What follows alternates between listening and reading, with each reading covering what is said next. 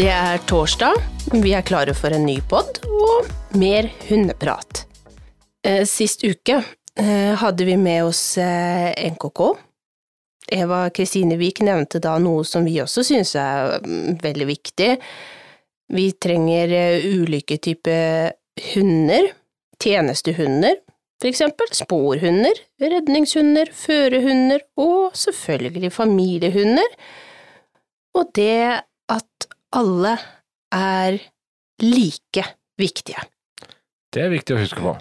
Og det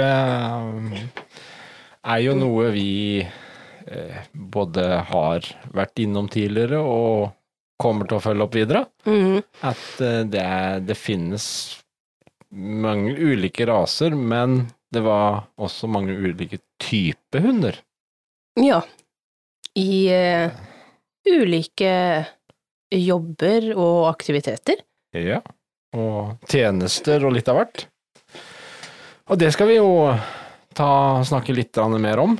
Mm. Men hvis, eh, hvis vi nå sier eh, Trine og Baloo, mm, er det da noen av våre lyttere som aner hva vi skal snakke om da, kanskje? Gjør du, gjør du Frank? Jeg har mistanke om at i hvert fall den ene er tobent og den andre er firbent. ja. ja. Er, jeg inne på noe da? Ja. Ja. Eh, du er veldig inne på noe. Eh, vi skal få høre litt mer om eh, hvem de to er. Ja, Det blir men spennende. ja, det er veldig spennende. Har du noe mer hint? At det nærmer seg påske. Ja, da er fortsatt to- og firbent, og det er kyllinger, de er tobent, så da det, Og påskeegg. Ja, det, det, det, det Ja, Påsketur, for eksempel. Ja, Kan det være tjent? det kanskje begynner å hinte litt. Mm. Er det litt med at det er noen da hunder som kanskje er litt mer eh, på vakt? Ja, det kan vi vel si. Det er Muligens. hunder som er eh, eh, på jobb, og som eh, er da på vakt eh, 24-7, og kanskje litt mer enn det. Noe Det var nevnt eh, skredfare i nyhetene her om dagen. Nettopp. Det kan være et lite hint. Det er et hint godt nok for meg til Ja. å ta hjemmepåske, Eh, Ja, ja. egentlig. Eh, Nå har vel ikke eh, Jeg har ikke sett verken slalåmski eller langrennsski eh, som er dine. Eh, eh, Så jeg tror at eh, du skal holde deg hjemme på Sørlandet i påska. Jeg har eid Du har eid, ja. Ja. ja. Det må være veldig lenge siden. Jo da. Hvis ikke det var de de, som de er ikke, det, er ikke, det er ikke så lenge tilbake at det, det, det var faktisk glassfiberski. Ja, det var ikke treski, altså. Nei da, det var Nei. ikke det. Men nå tror jeg det at du um... Men vil du ha et siste hint? Ok. Ja, jeg har et siste hint til deg. NRK-serien ah. Redningshundene. Den tror jeg det er ganske mange flere enn oss som har sett. Ja. Jeg regner med at eh, ja, skal man tippe, flesteparten av i hvert fall faste lyttere på podden Mm, har nok fått den med seg. det, tror jeg, det tror jeg absolutt.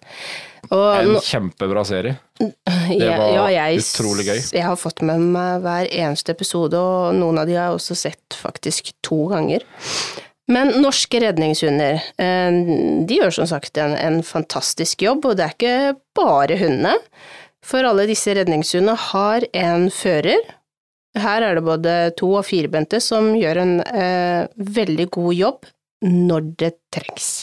Ja, Og det er jo ikke sånn at de bare akkurat når det går et skred eller eh, noen har blitt borte, de trener jo hele tiden. Ja, det som jeg syns var veldig gøy i løpet av den serien, det var jo å egentlig se litt spredningen og hvordan eh, alle typer rare oppdrag de Mm. egentlig går ut på, og hvordan de jobber sammen med disse hundene, og det er Og ikke ganske minst hvor, eh, hvor eh, Hva skal jeg si? Eh, hvor intenst det er å være i beredskap eh, så mye så ofte. eh, Ja. Som vi så i serien. Det, eh, det, er, eh, det er ikke noe hobby for uh, latsabber, Nei. oppsett. Men fy søren for en uh, frivillighetsjobb. Men da, Men da er det sannsynligvis ikke primært et Baloo som kommer her i dag? nei, det er ikke Baloo vi, vi skal snakke med.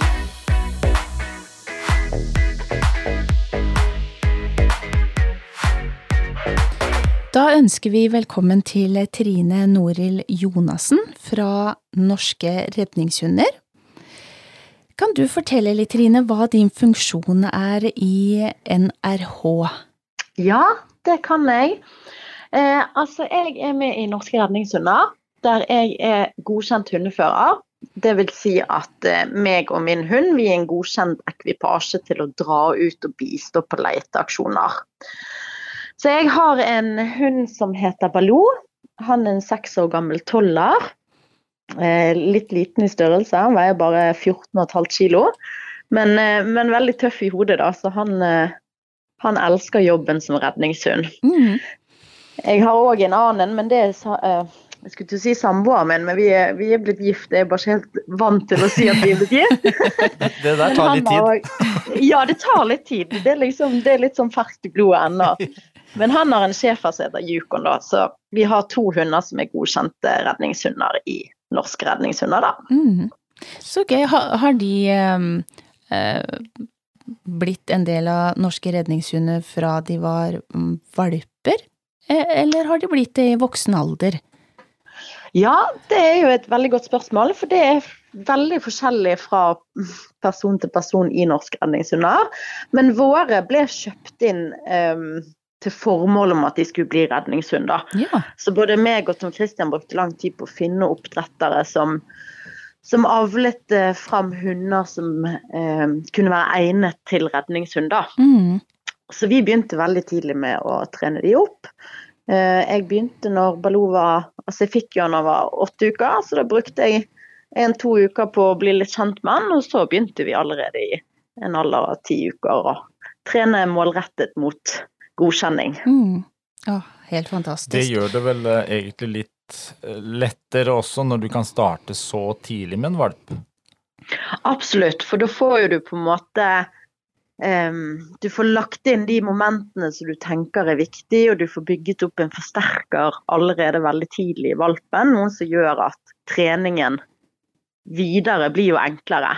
Mm. Så man kan absolutt anbefale å begynne så tidlig som mulig, men det er ikke sånn at løpet er kjørt hvis hunden din er noen år gammel.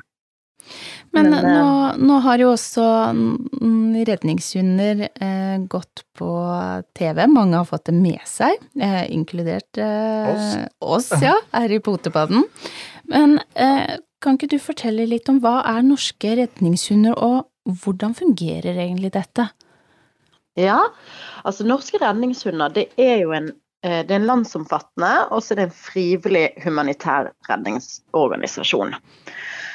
Eh, Og denne organisasjonen eh, den utdanner hunder og hundeførere som skal brukes til redningsarbeid, eh, altså søk og redning. Sånn at vi trener hundene våre opp til å finne mennesker som trenger hjelp, da. Mm. mange kan liksom sende oss eh, av og til spørsmål om vi kan være med ut og lete etter en hund som er forsvunnet, men det er ikke våre hunder trent opp til. De er trent opp til å finne mennesker. Ja, det er en forskjell, altså. Mm, det er det. Eh, og så er det eh, alltid frivillig, sånn at både de som er instruktører og dommere og hundeførere, der er alt basert på frivillighet. Så vi er en organisasjon som eh, blir kalt ut av politiet eller Hovedredningssentralen til å bistå når det er behov for det. Mm. Så da får vi på en måte en telefon eh, som går egentlig Altså politiet ringer til vår beredskapsansvarlig, som da kaller oss ut for å bistå politiet når de trenger hjelp. Mm. Men det er ulike fagfelt som redningshund, og, men hvordan fungerer dette, og kan hunder ha f.eks. for eksempel flere typer fagfelt? Eller er det spesifikt ett og ett? Nei, altså Det som er i norske redningshunder, det er at du har på en måte to, um, to primære um, søk. Da. Det er det som heter em, Å, herregud. Ettersøkning! Ja. Det sto fast. Eh, det vil si at det er alt på barmark. Em, alt som ikke er egentlig et snøskred. Mm. Ja, nettopp. Ja. Sånn at det som foregår eh, langs sjø og i skog og i urbane søk, det kalles ettersøkning. Og så har du det som kalles lavine. Det er de hundene som eh, er trent opp til å finne mennesker som er tatt i et snøskred. Mm. Eller f.eks. at det er oppe på Hardangervidda med, med massivt med snø og ingen sikt. og Ja. og den biten der, da blir de hønene brukt. De er trent litt annerledes, men i bunn og grunn så er de trent på å finne mennesker. Mm. Og så eh, kan du òg, hvis du har godkjent innen en av de to, så kan du eh, etterutdanne i noe som heter USAR. Det står for Urban Search and Rescue. Og det er type kollapsede bygninger, leirskred um, og sånne type ting, da. Det, det var de hundene da som vi så litt også oppe på Gjerdrum der. Kan- Ja, ja. det er et sånn typisk USAR-søk, da. Så det er en sånn eh, spesialutdannelse som du tar etter du enten godkjent lavine eller søk ettersøkning. Akkurat. Ja. Og, så, eh, og så er det mange som, som godkjenner både ettersøkning, lavine og USAR. Ja. Så de kan, de kan gjøre alle tre tingene. Men eh, jeg tror, eh, jeg tror det som det kommer an på, er om hundefører har tid til å trene inn alle de tre grenene. Mm. Ja, for det, det, har eh, muligheten til det. det ligger mange, mange timer eh, bak eh, disse treningene, og ikke minst at de blir godkjent som redningshunder. Ja, det ligger veldig mange timer. Vi regner ca. at vi trener 15-20 timer organisert i uken. Da har du et lag som du trener sammen med. Og de treningene er to til tre ganger i uken. Og så trener man hunden sin veldig ofte utenom det i tillegg. Mm. Og så er det sånn at når du er blitt godkjent, så, så kanskje man hviler på løverbladene. Da må man fortsette å opprettholde kompetansen på hunden, da. Mm. For vi har jo et veldig stort ansvar når vi går ut og leter etter mennesker som er i behov for hjelp. Da skal man vite at eh, verktøyet man bruker er til å stole på. Mm. Når dere først blir eh, godkjent som en ekvipasje, hvor lenge varer den godkjenninga? Er det liksom ut eh, hundens liv, eller er det tre måneder, eller er det to år? Altså, hvordan fungerer det? Altså de, vi må opp til en regodkjenning annethvert år. Ja. Sånn at eh, vi blir hele tiden testet på om vi fremdeles holder nivået og kompetansen vi skal ha. da. Mm. Og så er jo det naturlige ting som at når hønene blir eldre, så testes de gjerne oftere fordi at man må se at, at fysikken deres fremdeles er til stede, f.eks. Ja, for Men, det, eh, det er jo ganske krevende oppdrag, mange av de. Ja, og vi kan måtte gå i søk i, i flere timer. sånn det er viktig at både hunden har den mentale formen til å kunne gå så lenge på søk, og så må vi sørge for at de har den fysiske formen. Mm. Så mange som driver med redningshund, de, de jogger gjerne med hundene, svømmer, kickbiker, altså gjør forskjellige andre aktiviteter for å holde et godt kondisjonsnivå, da, eksempel. Mm. Ja, og egentlig så skal vel også kanskje føreren være i ganske god form også. Det, kre det krever litt av oss òg, men jeg kan ikke skryte på meg at jeg har den beste formen. Men jeg har en form som tilsier at jeg kan gå mange timer i søk Mm. sjøl, da. Mm. Men jeg skal ærlig innrømme at eh, hvis vi får en, en teig som er på toppen av et fjell, og en av de som er i bedre form står ved siden av meg, så sender jeg gjerne de, de før opp enn meg. Det kan ta litt lengre tid når jeg skal gå. Da er det jo heller ikke vanskelig å forstå at man, som du sier, at man kan ikke hvile på laurbæra, eh, fordi at man må jo hele tida være i gang, trene og, holde nivået oppe. Det blir jo absolutt vedlikehold på, på samme Ja. måte med alt annet man trener hunder med. Så er det klart at det, om de har lært en ting, så må det også eh, i en viss form vedlikeholdes. Ja, og, og søk er jo på en måte en, en ferskvare. Ja. Eh, selv om at, eh, at hønene Det er ikke sånn at de glemmer hva de holder på med, men, men de skal kunne så mye. Altså, ta f.eks. et spor da, eh, som hønene våre skal gå. Da må de kunne å gå spor i eh, terreng, de må kunne gå på asfalt, de må kunne gå på spor. De må kunne gå spor som er lagt i 24 timer, spor Mm. som er lagt i en halvtime. eh, alle disse tingene må hele tiden trenes på fordi at det er en ferskvare. Um, som vi må hele tiden minne hundene på hva jobben deres er, da. Mm. Ja, du er jo uh, masse an, altså andre typer inntrykk og lukter der man skal søke. Det er jo eh, Det er mye forstyrrelser, og det er klart at det her går jo eh, veldig på tid. Det, Mm. Man har jo ikke god tid. Og Nei. det skal jo være på 100% Mm, de skal så. Så det er jo òg noe som vi hundeførerne er nødt til å ta vurderinger på. At hvis det kommer en leteaksjon, og du gjerne har vært ute og trent hunden din i mange timer, så må man ta en vurdering på trenger hunden min mer hvile før jeg kan gå ut nå, eller mestrer han oppgaven. Eller når vi er på leteaksjon sant, og vi har vært ute i mange timer, så er det opp til da er det vår jobb å lese hunden vår da, på om man han er sliten, eller om han kan fortsette i søket. Men sånn som eh, mm, dere som da er i eh, Altså har en ekvipasje, da, du og hunden din, er det sånn Er det alltid på vakt, eller hvordan fungerer eh, det i forhold til når dere blir kalt ut, eller om det er noen andre som blir kalt ut? Ja, altså Jeg som er godkjent på ettersøkning, jeg er alltid på vakt. Og det er egentlig alle. Men de som driver med lavine, de har gjerne litt sånn um, vaktplan der de gjerne står en uke på vakt, der de har med hønene sine overalt og i bil til enhver tid. Fordi at da må de rykke ut og gjerne rekke et helikopter innen et visst Mhm. Mm. klokkeslett. Da, sant? Fordi at med snøskred så er jo tiden alfa og omega. Det er helt avgjørende for å, å redde liv. Så da står de gjerne på en beredskapsliste som gjør at de har med seg hund overalt.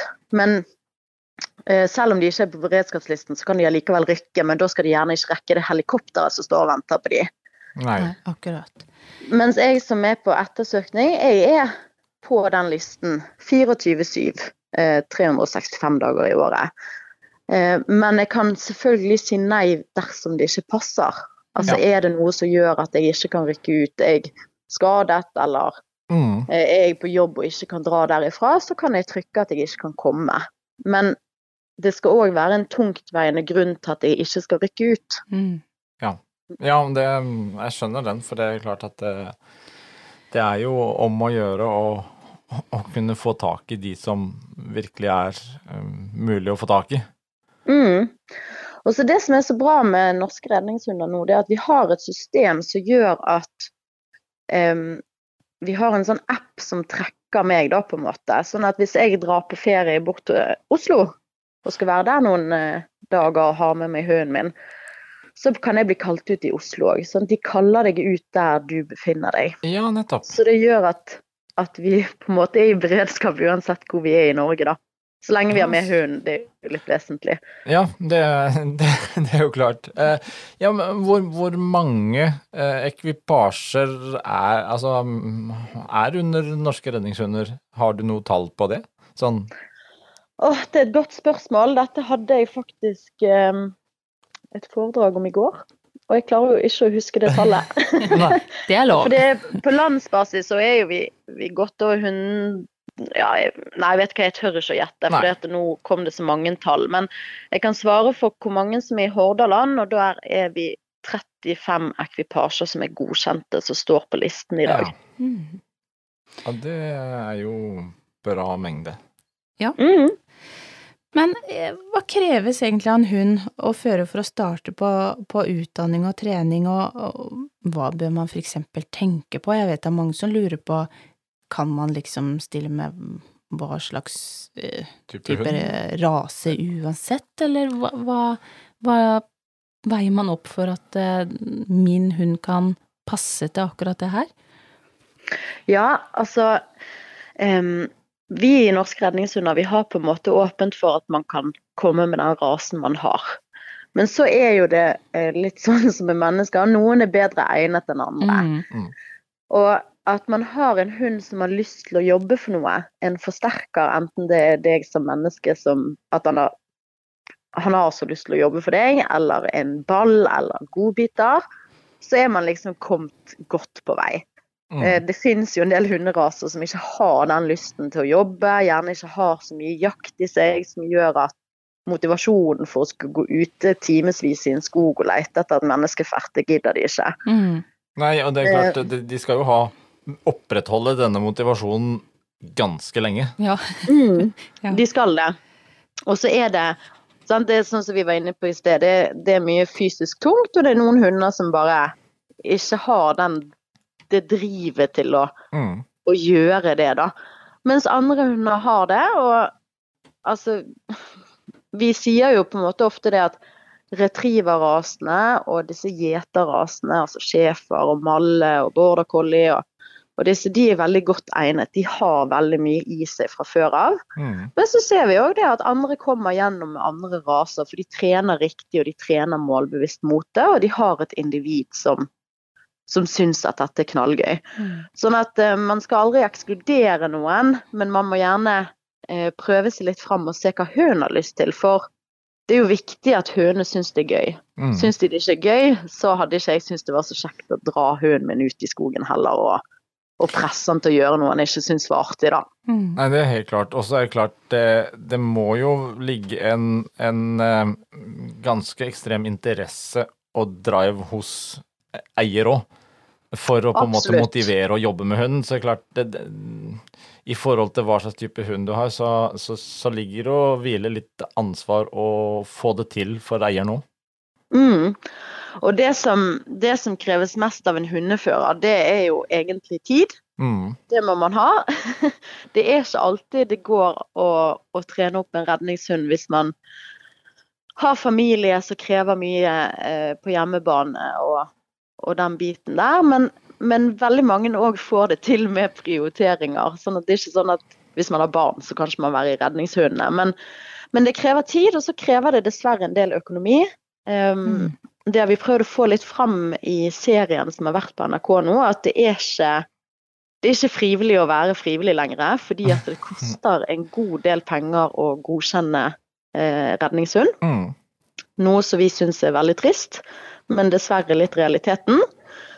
Og så må man ha, ha lyst og ønske, for det er ikke alltid det er så veldig kjekt å få en alarm klokken to på natten og vite at du skal ut i eh, regn og storm, og det er svarte natten ute, og du skal på jobb klokken åtte om morgenen. Mm. Så man må ha en sånn indre motivasjon eh, for å, å hjelpe andre, da.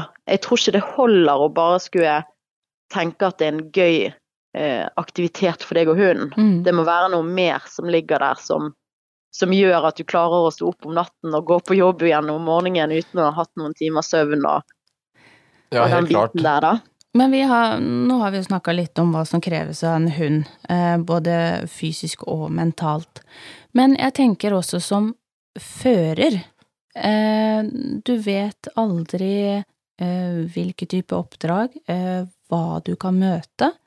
Eh, er det noe spesielt man Man må jo forberede seg på et eller annet vis.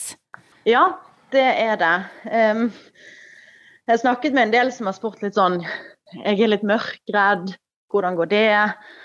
Syns det er litt ekkelt å gå alene ut i skogen. Mm. Og da tenker jeg at dette er nok kanskje ikke riktig sted å være da. Mm. Fordi at det er en psykisk påkjenning for hundeførerne å skulle gå ut. Vi, eh, vi vet ikke hva vi leter etter.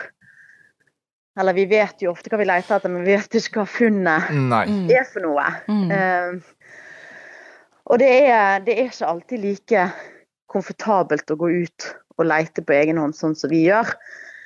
Samtidig som vi har veldig god støtte i organisasjonen. Vi har noe som heter kameratstøtte, som ringer oss når vi har vært på aksjoner. Ja. eh, hvis det er behov for det. Og vi har jo, vi har jo hverandre som støtter og, og hjelper hverandre, da, skulle jeg si. Men Ja. det, er, det er ikke bare bare. Man skal, man skal vite hva man går til, og man skal eh, Jeg er i hvert fall en sånn person som eh, reflekterer mye over hva som kan vente meg når jeg drar ut. Eh, hva jeg må være forberedt på, hva jeg trenger sjøl. Eh, hvis, jeg hvis jeg er veldig veldig sliten f.eks., Mm. Mm. så er det ikke alltid nødvendigvis riktig at jeg skal dra ut på en leteaksjon, for da er jeg gjerne ikke i stand til å ta de gode avgjørelsene som må tas når du går der ute. da. Nei, man, man bør ha en eh, god, også en god porsjon med selvinnsikt for, for å si at ok, akkurat i dette oppdraget her, her må jeg dessverre stå over, fordi det er klart det, det kreves litt at du, du sjøl også kan ta de riktige avgjørelsene i, um, i ekstreme situasjoner. Ja. Ja. Mm. Mm, absolutt. Men sånn som eh, eh, utstyr og alt det som du snakka om òg, det, er jo- det er jo en del som skal til. Og vi har jo sett det litt i serien nå. Ja. Eh, dere er jo alltid parat, altså ting er jo pakka og ligger klart i bilen og av, av utstyr både til seg sjøl, men òg til hunden. Mm, det er det. Og det er litt sånn som vi var inne på, sant? at vi har ikke Du har ikke veldig god tid. Ofte haster det med å skulle finne vedkommende. Noe som gjør at, at man lever litt sånn uforutsigbart, og man er alltid klar.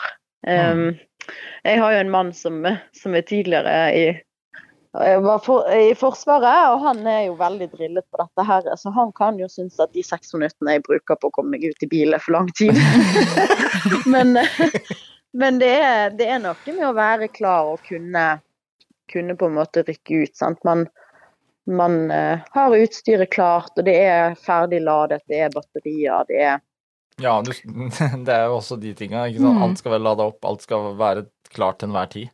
Mm. mm, Eh, Når det kommer til, eh, som du snakka om litt tidligere, gjerne så leter dere etter oppdrettere som har både rase og, og individ, eller eh, hunder, som dere vet kan egne seg til eh, som, som redningshunder, rett og slett. Men hvordan finner dere fram til eh, både oppdretter og eh, rase? Altså, eh, Norske redningshunder har jo en statistikk over hvilke raser som er mest av i redningshunder. da. Mm. Så jeg hadde gjerne begynt litt der og sett litt sånn hm, Hvilke raser er det som er best egnet? Eh, og så um, hadde jeg nok eh, tatt utgangspunkt i hva passer eh, mitt liv. Mm. Altså hvilken eh, Hvor mye erfaring har jeg med hund fra før av? Eh, hvilke rase krever hva? Altså hva, er, hva passer ditt liv best, da? Mm. Og så er det litt sånn at, um, at man må rett og slett inn og, og, og lese på de forskjellige. Eh, gjerne spørre folk som er i redningshundene om de har noen eh, oppdretter de anbefaler. Og, Mm. og rett og slett inn og Det er en sånn der eh, Det er litt mye arbeid med det. Jeg lette i et år før jeg fant en oppdretter som jeg tenkte at jeg hadde lyst til å kjøpe fra. Så her kan det jo være eh, lurt, egentlig, for det er noen som sitter og lurer litt på og kanskje ser litt mer på det her, og allerede kom i kontakt med noen av dere før man går og velger ut en hund. Mm. Ja, altså eh, Man kan jo gjerne ta kontakt med lokallaget sitt eller distriktet sitt og mm. høre om man kan få være med på en trening og se hva det handler om. Ja. Og så gjerne spørre og grave litt med de som sitter med litt kunnskap, da. For det, det er jo et hav av oppdretter der ute. sånn Det er ikke så lett å skulle bare google seg frem til en god oppdretter. Nei, det Det er jo akkurat det.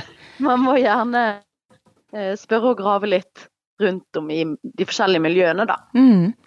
Men eh, vi snakka litt om det helt i starten, det med skal man starte med valp, kan man starte med en som er litt eldre, og, og du sa jo det er jo en fordel at um, man har en valp, men det er ikke helt umulig hvis du har en hund som er ja, halvannet, to år rundt der, og begynne å trene opp eh, og se om redningshund kan være noe for, for de. Det er det ikke. Det er, det er mange hunder eh, Altså, det ligger veldig ofte naturlig i hunden å bruke nesen. Sånn at selv om man har blitt et eh, noen år gammel, så er ikke det på en måte det som skal stoppe en fra å bli med, da. Mm. Det, det, klarer, de, det klarer de ofte å, å ta for det om. Det er gjerne mer det hverdagslige som kan være utfordringen. At man kanskje ikke har trent så mye lydighet eller den biten der, og når hunden begynner å bli noen år gammel, så, så har han meninger om hvordan livet skal være. Så det, det kan være den største utfordringen, men det er absolutt ikke et hinder for å begynne. Nei. Du, helt, eh, helt til slutt, har du noen gode råd til de som skal ut nå i påskefjellet? Ja, Eh, Det har vi, vet du. Eh, Altså Det første jeg tenker på, er jo at eh, sjekk skredvarselet hvis du skal i fjellet og Mm. ut og gå på ski. Sjekk hvordan, hva det er meldt. Vær obs på at skred kan gå overalt, Mm. og, og ikke på en måte ta for gitt at det er trygt. Og så tenker jeg gi beskjed hvor du skal gå og når du er tilbake igjen. Sånn at at de som, de som eventuelt savner deg, vet hvor man kan faktisk begynne å lete etter deg hvis uhellet skulle være ute. Den er vel egentlig litt sånn som vi så også en del av det i, i den TV-serien. Akkurat det der du sier med at gir beskjed når du går ut, og når du beregner å være tilbake. For det er klart, eh, blir du litt seinere enn det klokkeslettet, så er det jo lettere for de andre å skjønne når, når skal vi varsle noen. Mm, det er akkurat det. Hvis man har tenkt seg på én times tur, eh, og folk vet det, så vet man om man skal, skal kalle på hjelp. Ja. si. Men hvis man skal på åttetimertur, så trenger ikke man å kalle på hjelp etter fem timer. Nei, nei, det, nei, det er nettopp det. Og det var faktisk eh, en veldig viktig ting å, å ha med i tankene, og som kanskje vi er veldig litt altfor dårlige til, å egentlig tenke hvor lenge blir vi ute, når, når beregner vi å skulle være tilbake. Mm. Mm. Og vi har jo hatt leteaksjoner der vi har letet etter folk som ikke vet at de er savnet. For de hadde jo ikke tenkt Ja. å være tilbake igjen før på kvelden, de. Så de Ja. blir jo helt sjokket når vi, når vi kommer gående.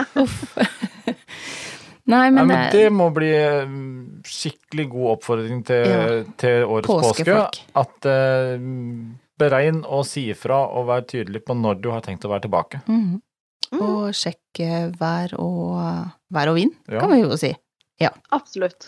Tusen takk, Trine, for at du tok deg tid til en prat med oss her i Potepodden, og ikke minst eh, gi oss et innblikk i eh, norske redningshunders arbeid. Helt fantastisk å, å høre alt dere gjør og all jobben dere legger ned. Veldig kjekt å få være med. Jeg kunne sikkert snakket i timevis om dette. her, Så det, det er bare kjekt å få, få pratet litt om det vi brenner som for. Mm. Det kan godt være vi plutselig kommer tilbake til noe mer ved en seinere anledning òg, vi. For det Jeg tror vi kunne hørt på i timevis Ja, òg. det tror jeg. Det er utrolig interessant, inspirerende, eh, å få lov til å være med og høre på en liten del av hvert fall det, det dere gjør. Takk i likeså, og god påske.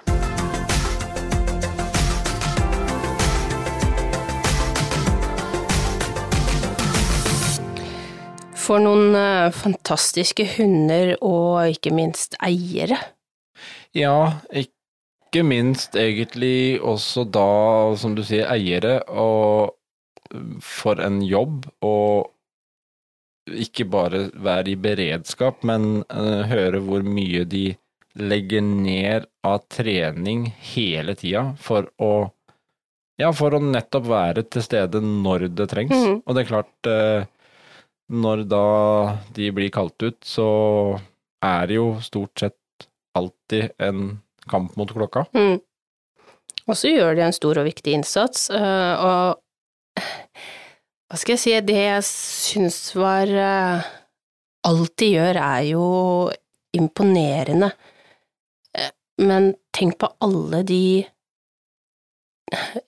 treningstimene som Ja. man ikke tenker over, som, som faktisk kreves av både eh, fører og, og, Og hund. Da. Ja. Det, og Det er ikke noe for en hvermanns. Man, øh, det, er, det blir jo mer en livsstil. En, øh, en livsstil, altså, Ja. som øh, enn en hobby, eller hva man skal si. Ja, altså. det er klart at det, det gjør det, og det, det Men det må jo også være mm, For de som har eh, interessen for det, så, så merker du det at det, det er jo også veldig givende Mm, eh, å kunne være med på det, og tenk eh, Det er sikkert også utrolig gøy. Eh, merke det der samspillet når det står på mellom Mm, ja, deg og hunden. Eh, det, det, det ser vi jo i, i alle store og små sammenhenger når en jobber med hund. mm, men jeg syns jo også gjennom den TV-serien det var utrolig gøy å se på eh, både hva de kan utrette, og ikke minst hvor tøffe forhold disse hundene egentlig bare jobber under. Mm. Eh, Og selvfølgelig, eh, det er en ekvipasje. Så eh, det er en fører sammen med hunden der som også må jobbe under ganske tøffe forhold. Ja, og med tanke på at det er jo, som Trine også sa, en litt sånn ferskvare. Eh, Du skal jo opp til en regodkjenning som Du kan ikke på en måte bli godkjent og så ligge og, og hvile på laurbæra og, og tenke at eh, vi er godkjent for evig og alltid. Eh, Du må jo holde en viss, en viss standard, og det syns jeg var Nei, jeg syns det, det var rått å høre, egentlig, hva som legges ned av timer og arbeid, og ikke minst det engasjementet for å eh, og lidenskapen for å hjelpe til å finne eh, mennesker som har blitt borte på en eller annen måte, eh, da på fritid, for dette er jo ikke en jobb. Nei, og dette, dette er en haug av frivillige Mm. som, som i og for seg eh, Ja, på websida der på nrh.no. Mm. Eh, Det blir mye sånn NKK og NRK og ja, litt sånn. Vi kan, vi kan kludre litt, men dette er norske redningshunder, og det er nrh.no.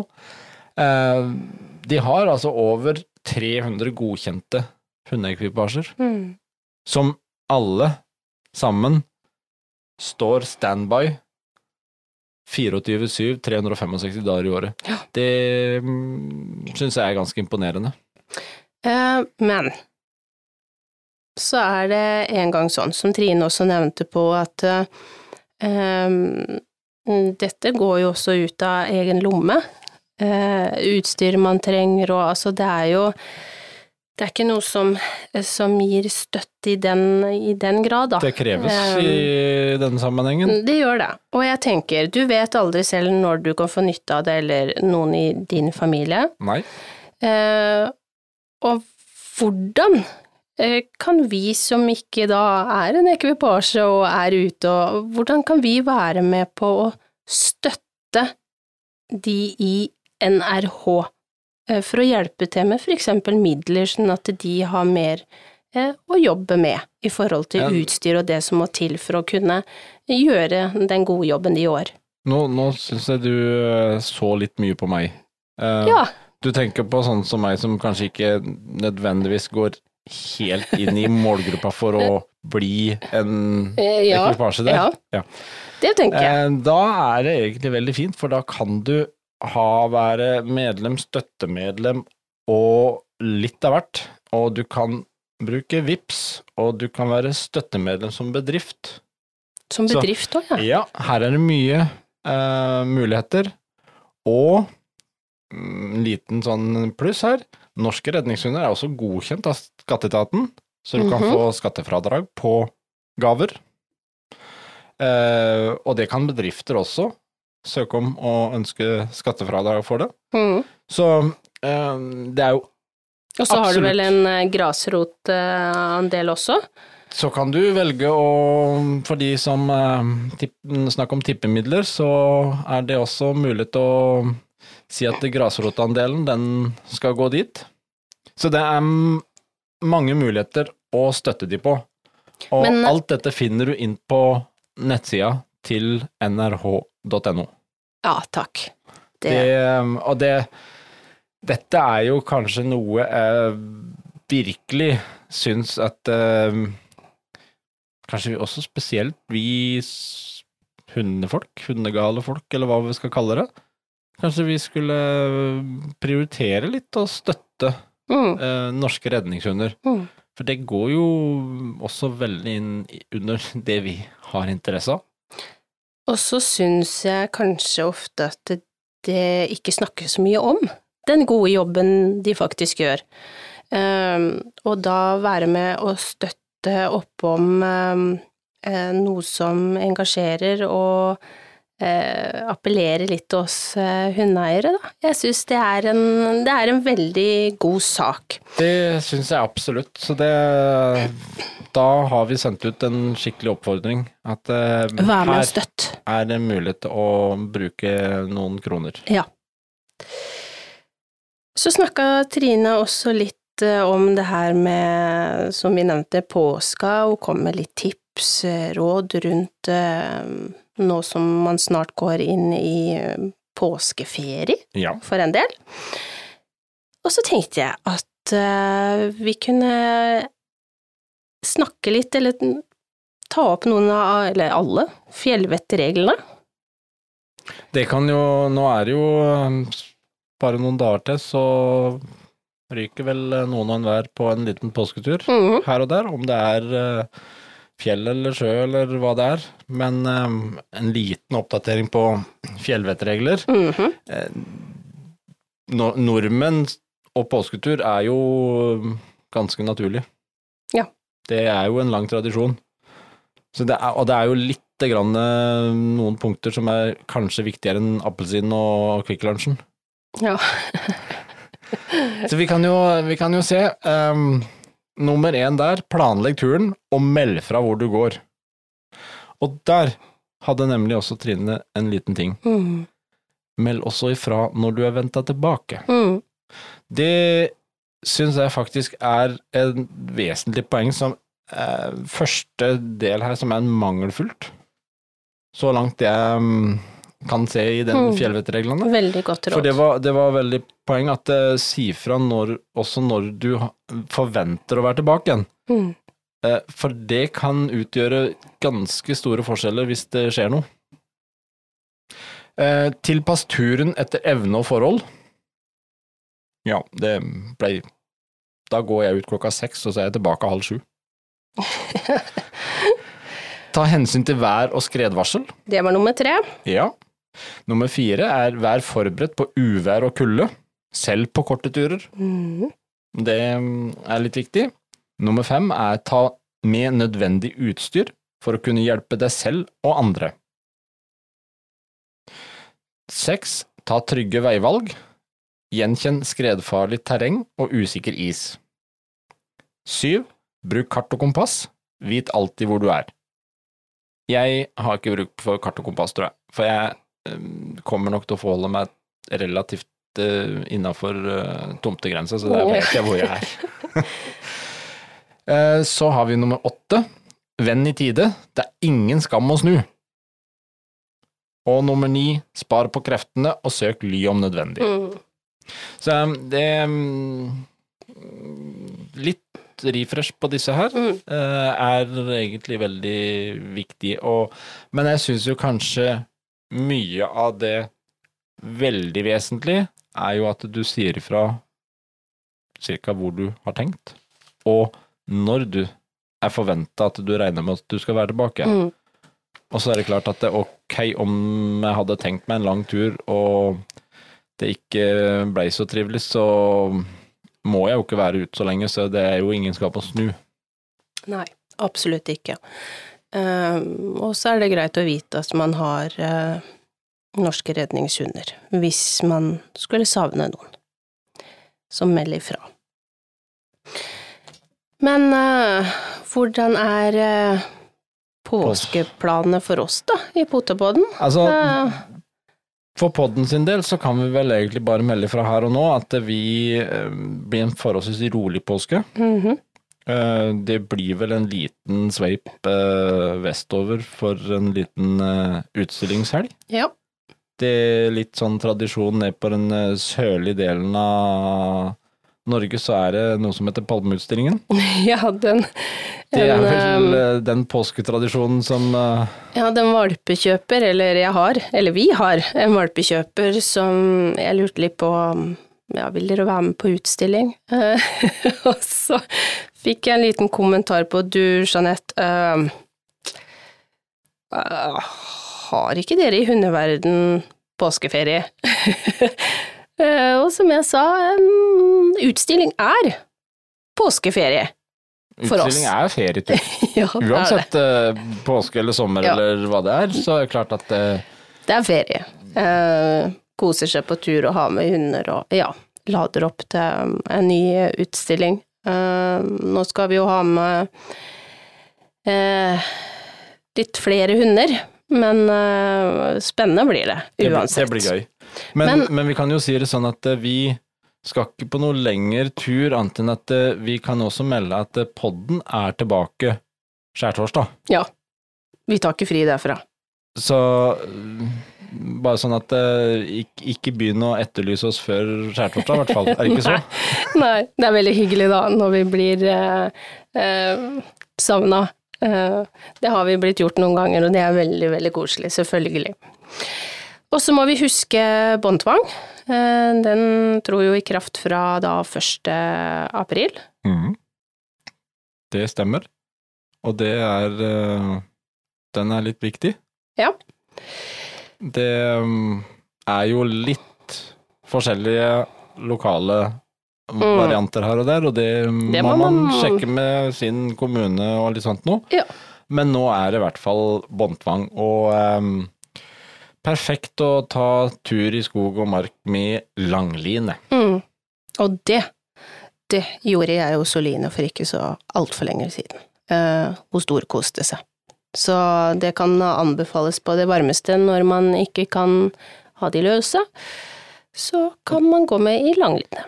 Mye greier. Og det, det blir vel kanskje litt sånn påskelivet for vår del. Mm. Eh, forhåpentligvis litt eh, fint vær. Litt sol, litt hyggelig. Og kan kanskje håpe om å snuse litt på vårfølelsen og ta noen eh, dagsturer med hunder. Ja, jeg håper i hvert fall ikke at snøen kommer. Den kan godt Den kan vi være ferdig med. Ja. Og med det ønsker vi alle en riktig god påske, uansett hvor den skal tilbringes. Vi snakkes!